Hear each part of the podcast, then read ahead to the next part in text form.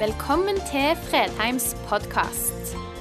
For mer informasjon og ressurser, besøk oss på fredheimarena.no, eller finn oss på Facebook.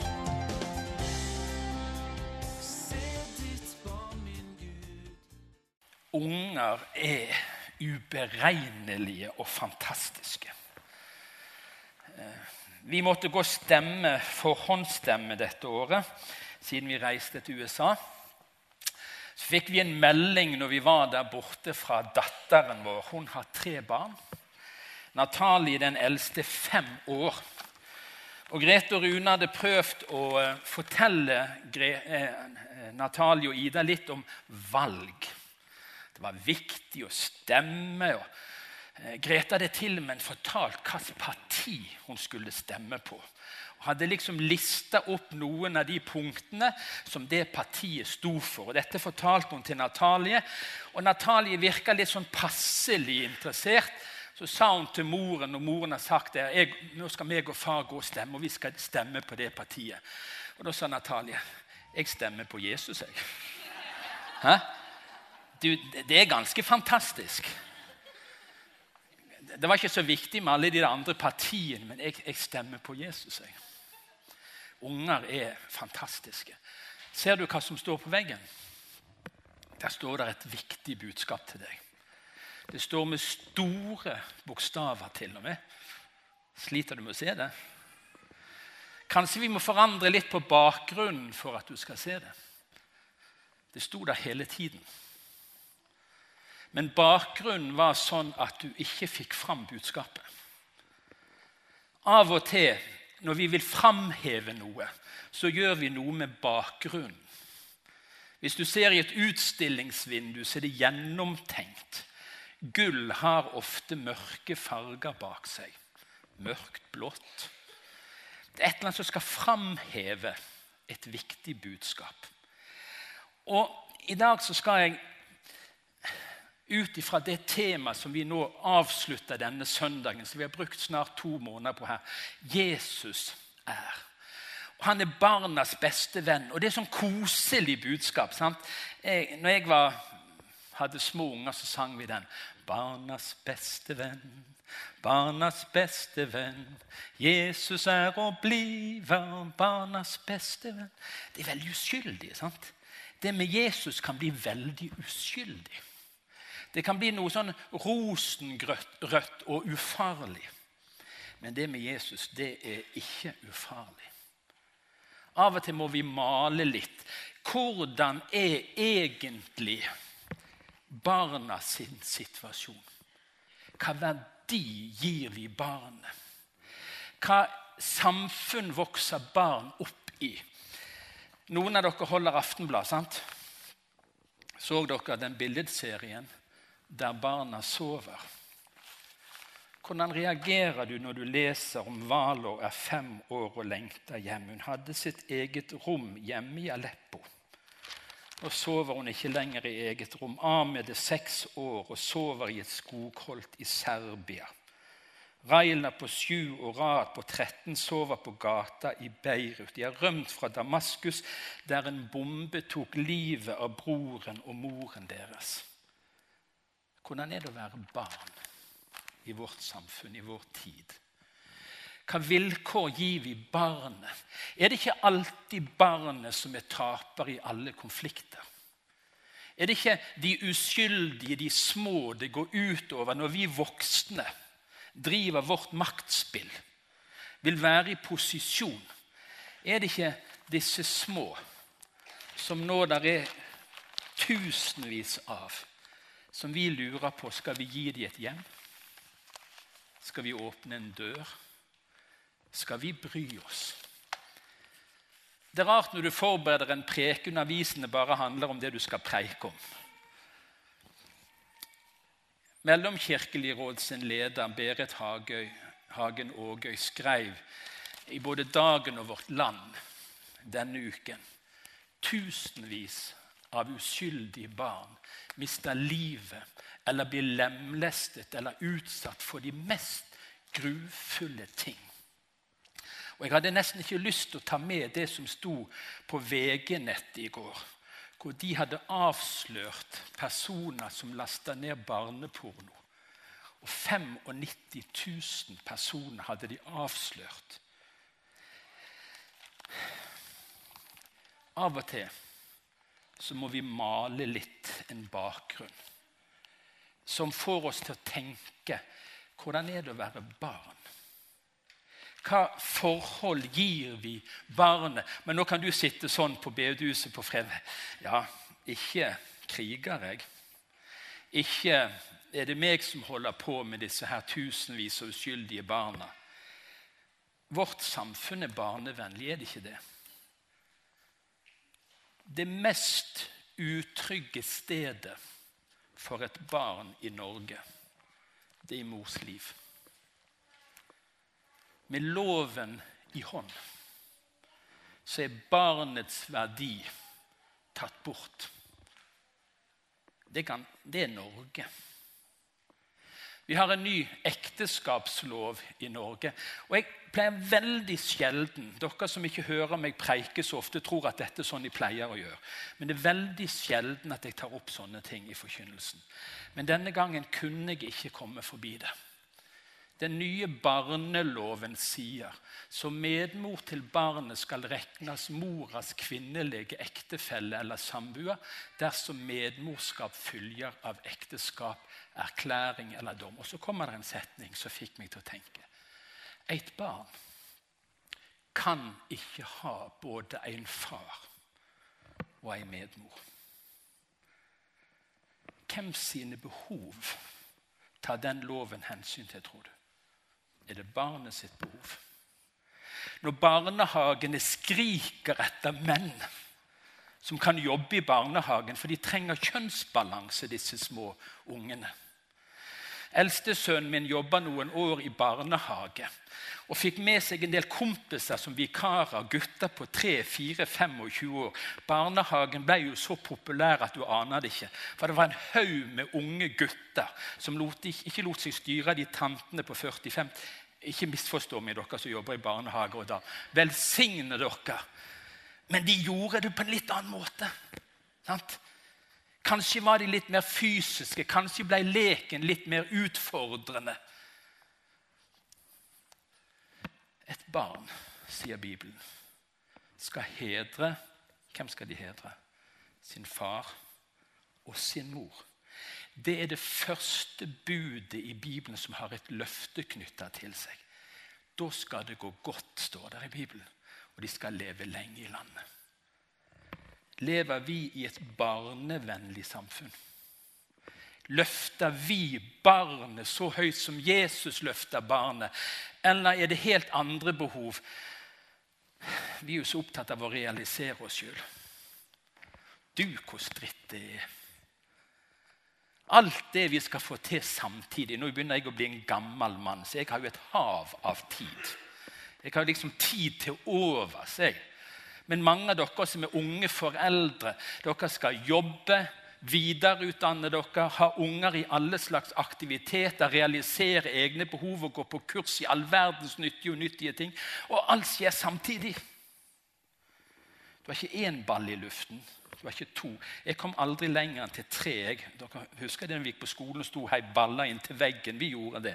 Jeg klarte aldri mer enn tre. Men jeg ser folk som prøver med fem og seks forskjellige baller i luften samtidig. Tror du det er godt for barnet? Dette ordet her bruker vi ikke lenger. Men på 80-tallet, når vi skulle ha møter på bedehus, og spesielt mens vi skulle ha seminar på dagtid, da oppfant vi et fantastisk begrep. Barneparkering. Hæ? ikke det et nydelig begrep? Vi voksne skulle lære noe viktig om Gud og Jesus og de, sant? Og la oss for all del ikke bli forstyrra, så da parkerte vi ungene og fikk til nøds et par tenåringer til å ta seg av dem. Mens vi viktige voksne fikk høre noe om Gud og Jesus. Trenger vi av og til male litt bakgrunnen? Sånn at vi ser at det er en kontrast mellom det livet vi lever, og det vi sier med våre ord og det vi kanskje ønsker. Men det er en kontrast til virkeligheten. Nå er taleboblen snudd opp ned. Det er ikke sikkert alle la merke til. Her må du være intelligent og følge med. Altså, det var liksom når det kom nedenifra. Nå kommer det ovenifra.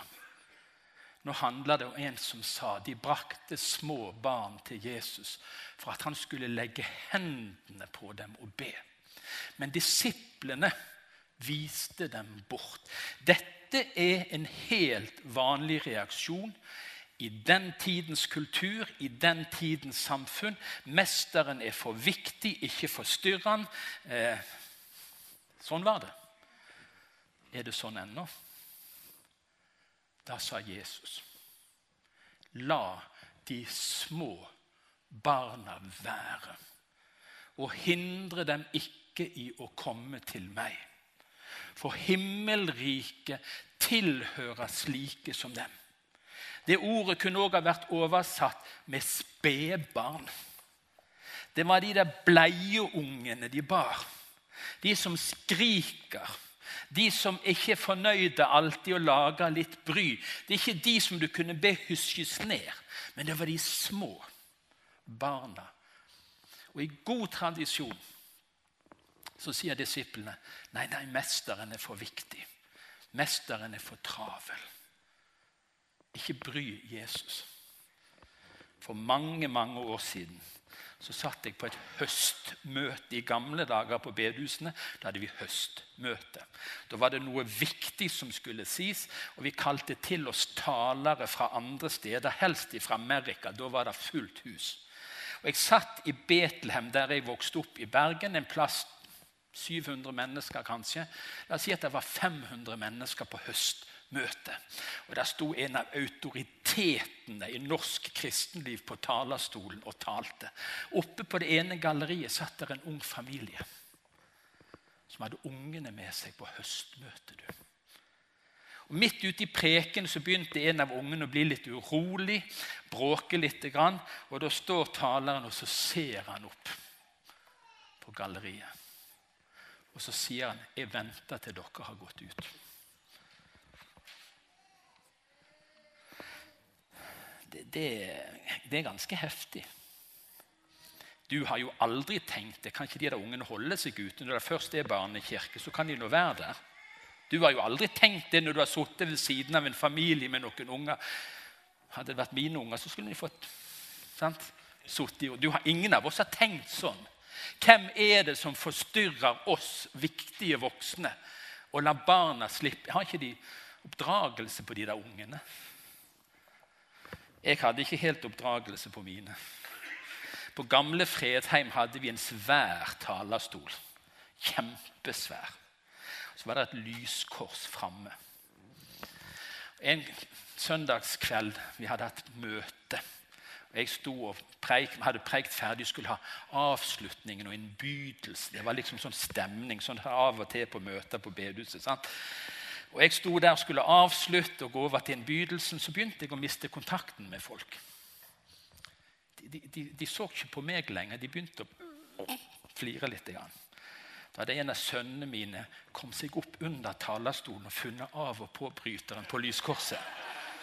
Så det var av og på, av og på, av og på. Der røk den innbydelsen. Vi lar oss forstyrre så lett. Vi løfter vår egen verdi så høyt at vi altfor ofte blir sånne som disiplene, som skyver barnet bort fra Jesus.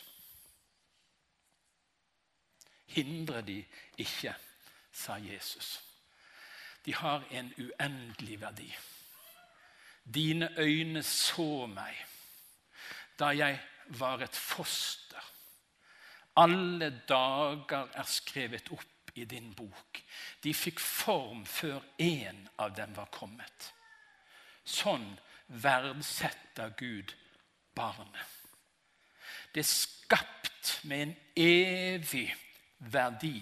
Før det har produsert en eneste ting, før det har hjulpet oss med noe som helst, mens det ennå bare krever av oss så ser Guds øye barnet. Herrens ord kom til meg, skriver profeten Jeremias. Før jeg formet deg i mors liv, kjente jeg deg. Før du ble født, hør hva det står, helliget jeg deg til profet. For folkeslagene satte jeg deg. Når kalte Gud Jeremias? Når satte Gud en verdi på Jeremias? Han som ble en av de største profetene i Israels historie. Han gjorde det før du ble født. Før han ble født. Barnet. Ser du barnets verdi? Helt uavhengig av hva det presterer. Et av de sterkeste domsordene i Det nye testamentet står i Matteus kapittel 18, vers 6. Det er et av de sterkeste ordene. Men den som lokker til fall, en av disse små som tror på meg Han var bedre tjent med å få en kvernstein hengt rundt om halsen og bli senket i havets dyp. Jeg måtte, altså, Jesus, barnas beste venn. Du kunne blitt dikke, digge, dikk. sant? Men dette sier Bibelen. Dette taler Jesus. Dette talte han inn i sin tid, i sin kultur, inn i sin samtid. Og dette sier Jesus, som i går og i dag til evig tid er den samme. Det var faktisk bedre. Har du sett en kvernstein? Den er stor, og den er tung. Det er ingen redningsvest. Du flyter ikke med en kvernstein rundt deg. Du synker rimelig fort til bunns. Og det var faktisk bedre enn at ett barn ble dratt bort fra Jesus eller hindra i å komme til Jesus. Det er ganske kraftig stoff. Det er liksom litt annet enn det vi tenker. Jeg er begeistra for små unger. Jeg er avhengig. Nesten like avhengig som konen min. Hun er verre enn meg. Men hvis det går noen dager jeg ikke får lov å se dem, så får jeg sånn abstinens. For noen dager så kom datteren min innom for å hente en nøkkel og hadde Mikkel med seg. Mikkel er fire måneder. Og Det får lov å holde han på fang. Han gjør jo ingenting. Han bare er. Han bare er. Jo, han gjør jo noe. Han, ja, sant? Men det han gjør, ikke så veldig sånn at du syns det Jo, han begynte å smile, forresten. Det er jo fantastisk. Da kan jeg kjøpe hva som helst. Det er liksom, Da er det bare Skulle sett hva jeg kjøpte til han i USA. Jeg gikk amok på Macy's til Mikkel. Fire måneder. Men barnet har sin verdi bare med å være ikke det nydelig? Når det ligger der Det kan ikke gjøre noen ting. Det er fullstendig avhengig av deg. Og så bare er det til. Det bare er. Å, det er så godt å ha en Gud som forteller at din verdi er ikke det du får til. Men bare ved å være barn er du elska. Bare å være til, så er du umistelig. Barnet sin verdi. Og Så sier Bibelen at disse barna òg er våre forbilder. Barna er våre forbilder. Da kalte han til seg et lite barn. Stilte det midt blant dem og sa. Jesus driver anskuelighetsundervisning. Det er god pedagogikk. Han tar barn og setter det midt iblant dem. Så sier han, 'Sannelig, jeg sier dere, uten at dere vender om og blir som barn, kommer dere ikke inn i himmelriket.' Bli som barn. Det er ikke barnet som har problemer med Gud, skjønner du. Det er oss voksne. Det Det er ikke ungene som har problemer med Gud. Det er oss voksne. Vi som har, fått fornuften og følelsen i veien. Det viser problemet, det er ikke barnet. et lite avsnitt fra Romerbrevet kapittel 8. Alle som drives av Guds ånd, er Guds barn. Dere har ikke fått den ånden som slavene har, så dere igjen skulle være redde. Nei, dere har fått ånden som gir rett til å være Guds barn. Den som gjør at vi roper 'Abba, far'. Ånden selv vitner sammen med vår ånd om at vi er Guds barn. Vår kirkefader Luther, som vi skal jubilere snart, han sa det at den høyeste tittel i himmelriket den viktigste posisjon er ikke å bli diakon eller prest eller prost eller biskop. Den høyeste tittel et, menneske kan få, det er å bli barn.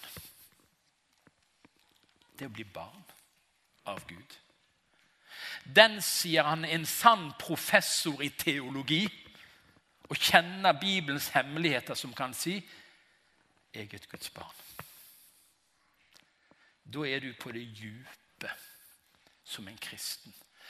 Guds ånd har tatt bolig i oss for å vitne inne i oss sammen med vår ånd at vi er Guds barn. Du som tror på Gud, du har fått barnekårets ånd for at du skal vite Voksne ikke for mye nå, da. Siste søndagen i oktober skal vi snakke om å være barnlig, men ikke barnslig. Det er forskjell på det, skjønner du. Det er altfor mange voksne kristne som er barnslige. De skulle ha vokst forbi det for lenge siden. Så Det blir tema på den siste gudstjenesten. Hvis du har lyst til å høre litt om det, og ikke bare være barnslig, men være barnlig Barnet er våre forbilder. Fantastisk. Den tilliten barnet viser i en travel, spennende, vanskelig, trafikkert, utfordrende verden, så legger barnet fortrøstningsfullt hånden i mor og far eller noen voksne sin hånd. Så går de så trygt. Så går de så trygt. Så lærer de oss at kristen tro først og fremst ikke handler om vårt intellekt, men handler om tillit kristen tro i sin djupeste form handler om tillit til Gud. At jeg våger å overgi mitt liv som et barn og vandre sammen med Jesus gjennom livet. Tett ved sida mi går Jesus, var den barnesang som het. Alltid vil han være der. Jeg trenger ikke gå ottast når jeg fyller Jesus her. Og så vet vi, mange av oss, at de kristne barnesangene av og til skjuler at livet kan bli ganske tøft. Og når vi vandrer sammen med Jesus. Kan bli ganske heftig. Kan gi oss utfordringer vi knapt tror vi skal makte å stå i og komme gjennom. Men barnet lærer oss at selv om vi ikke forstår, så holder vi i hånden. Så stoler vi på at han er større og vet best. ikke det et fint bilde? Unger er modige. Deise så de kan tro. Hæ? Har du sett hva de tror? De tror, de. De våger. De våger å møte utfordringer. Jeg hadde aldri lagt, likt å henge der oppe i luften. Ingen hadde noe klart det forresten heller. Det er en annen sak. Men likevel så er det et lite bilde på at barn ikke bare har tillit og tror, men at det våger når det tror. Det våger. Jeg tror ikke det er det første kastet den faren har gjort. Jeg tipper han begynte bitte litt mer forsiktig. Sant? Så økte det på litt etter hvert. Men vet du hva? Unger de går ut av båten. De går ut på bølgene. De våger. Så lenge de tror at far og mor er der for dem, så våger de det utrolige. Et barn som er trygt. Et barn som har opplevd at noen tar imot meg når jeg faller. De våger å reise seg og gå igjen. Barnet er våre forbilder, sier Jesus. Der er et barn her som har fem byggbrød og to fisker. Men hva i alle dager er det til så mange, sa disiplene. 5000 mannfolk, foruten kvinner og barn. Altså, De var ikke ugifte, det er ikke det foruten betyr. Men de var, hadde med seg kone og unger i tillegg. De var en hel gjeng. Og en liten gutt tok nistepakken sin og ga han Dette har du hørt om på søndagsskolen hvis du har gått på søndagsskolen. Sant? Dette er en sånn klassiker på søndagsskolen. Nistepakken. Barnet er raust. Barnet gir. Barnet holder ikke noe igjen. Når, når Ida hun er, hun er, tre år. Hun er litt sånn helsprø unge. altså Helt utrolig deilig. Men hun gir seg over 150 Hun gir hele seg sjøl. Det, det er en sånn oh, overøsing. Barn holder ikke igjen. Nå skal jeg ikke ta en kollekttale nå, men ga du så det svei? Nei, vi, vi gir jo knapt så, vi, så det svir. For vi holder igjen. Vi er blitt voksne. Vi har begynt å beregne. Vi tenker på morgendagen, og vi tenker på alt. vi. Ungene, de lever nå. Ja, jeg har jeg fem byggbrød og to fisker. Jeg gir det. Jesus fikser nok opp etterpå det med maten. Jeg vet ikke om han gutten fikk de tolv korgene som ble til overs, eller hvem som fikk de. Men det er ikke umulig at han fikk med seg en korg hjem igjen av alt som var til overs. men hadde gitt det til Jesus. Det siste. Himmelriket tilhører slike som dem. Gå derfor og gjør, sier Jesus, alle folkeslag til disipler. Døp dem til Faderens og Sønnens og Den hellige ånds navn, og lær dem å holde alt det jeg har befalt dere. Der er et mål. Det er ikke lenge til vi skal ha dåp igjen her på Fredheim. Det er noen foreldre, noen familier, som vil bære barna sine til Jesus. Og jeg sier det når jeg har dåpssamtale. Jeg får være med på sjarmøretappen. Det er å døpe dem og synge velsignelsen over dem. Jobben, det er foreldrene. De skal lære de holde alt. Dåpen er inngangen til et nytt liv. Barna er utrolig lærevillige. Nesten all forskning og statistikk om når folk tar imot Jesus, sier omtrent sånn som dette. Mer enn to av tre kristne tok imot Jesus før de fylte 18 år. Skal vi ta en håndsopprekning? Nei, vi skal være litt forsiktige. Det er ikke veldig mange her inne tror jeg, som tok imot Jesus etter 40 år. Ikke mange. Eller etter 50. Eller etter 60. Jeg tror de aller fleste som sitter her inne, tok imot Jesus før de ble 18 år. Noen er litt treigere. Jeg ser et par av dere her som var litt treigere. Ja, Det er ikke så farlig, bare du kommer med. Det er ikke så nøye. De aller fleste av disse igjen tar imot Jesus før de fylte 13 år. Hvem satser vi på? Hvem er de viktige? Ifølge pedagogikk.no så lærer barn hele tiden. Og du kan påvirke hva de kan lære. Unger lærer så fort. Det, tenk den utviklingen fra 8, 9, 10, 11, 12 måneder opp til 2-3 år. De har lært mer enn vi har lært fra vi var 40 til 80. De lærer, og de praktiserer, og de går på trynet, og de prøver igjen. De, de lærer hele tiden. Og du og meg kan påvirke hva de kan lære. It takes a village to raise a child, sier et afrikansk ordtak. Vi trenger, Det må være mange rundt barnet. Det trengs mange rundt barnet for å skape den rammen, den tryggheten som gjør at det lærer, får tro og tillit og utvikler seg sunt. Det tar en hel landsby. Mor og far sin tro er den desidert viktigste faktor i et barns forhold til Gud mor og fars tro, og i den rekkefølgen. Mødre, dere er uendelig viktige for barna sin tro. Fedrene òg. Hjemmet er det stedet der troen har sitt Det hjemmebane. Der har troen størst mulighet å slå rot og formes og skapes. Og jeg er redd for at vi har abdisert og tenker at ja, ikke kan jeg, og ikke er jeg sånn jeg skulle være. og så Det er bedre at Kirken tar seg av det, for jeg, jeg er ikke så sikker på at jeg får det til. Du kan ikke overlate det til noen andre. Du som er i den situasjonen at du er barn i huset. Du er den viktigste personen i deres liv når det gjelder forholdet til Gud.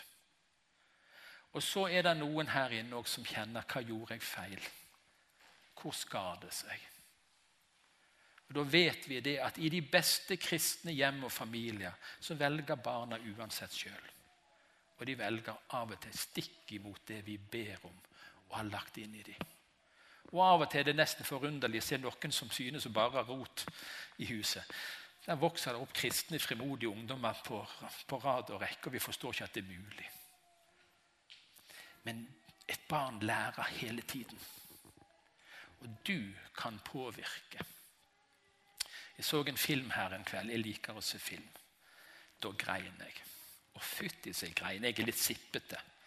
Jeg så han aleine for ja, Satt for meg sjøl og så. Faren hadde i årevis ikke vil ha noen ting med sønnen sin å gjøre. Støtte han ut, bedt han reise. Og sånn sett kanskje trodde han mista all innflytelse på sønnen sitt liv så skjer det en oppvåkning i faren. Og så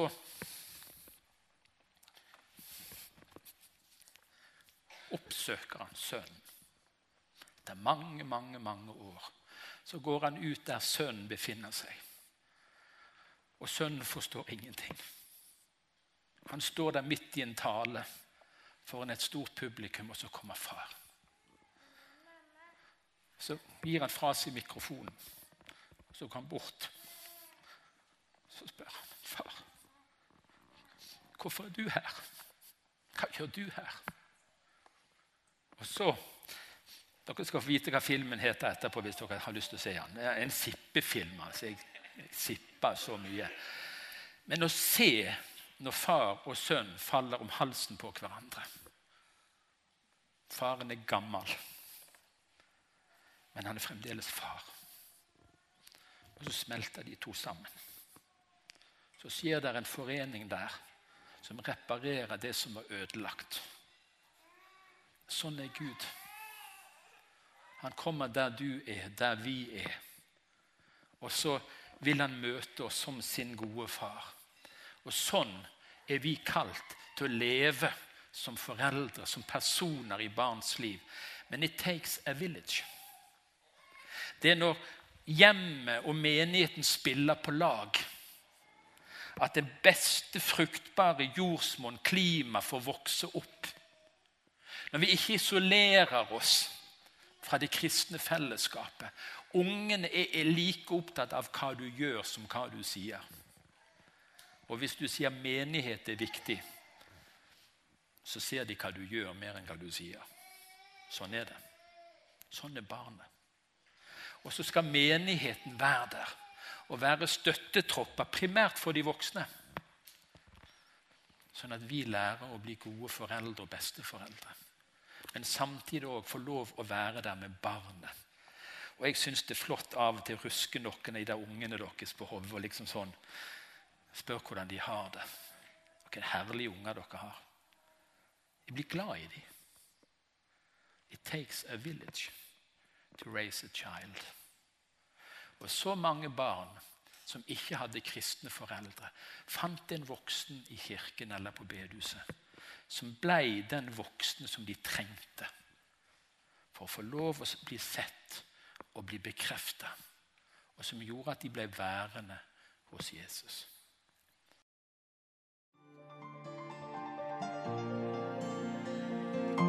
Takk for at du valgte å høre på. Nye opptak legges ut hver uke. Vi har gudstjenester hver helg, og du er hjertelig velkommen.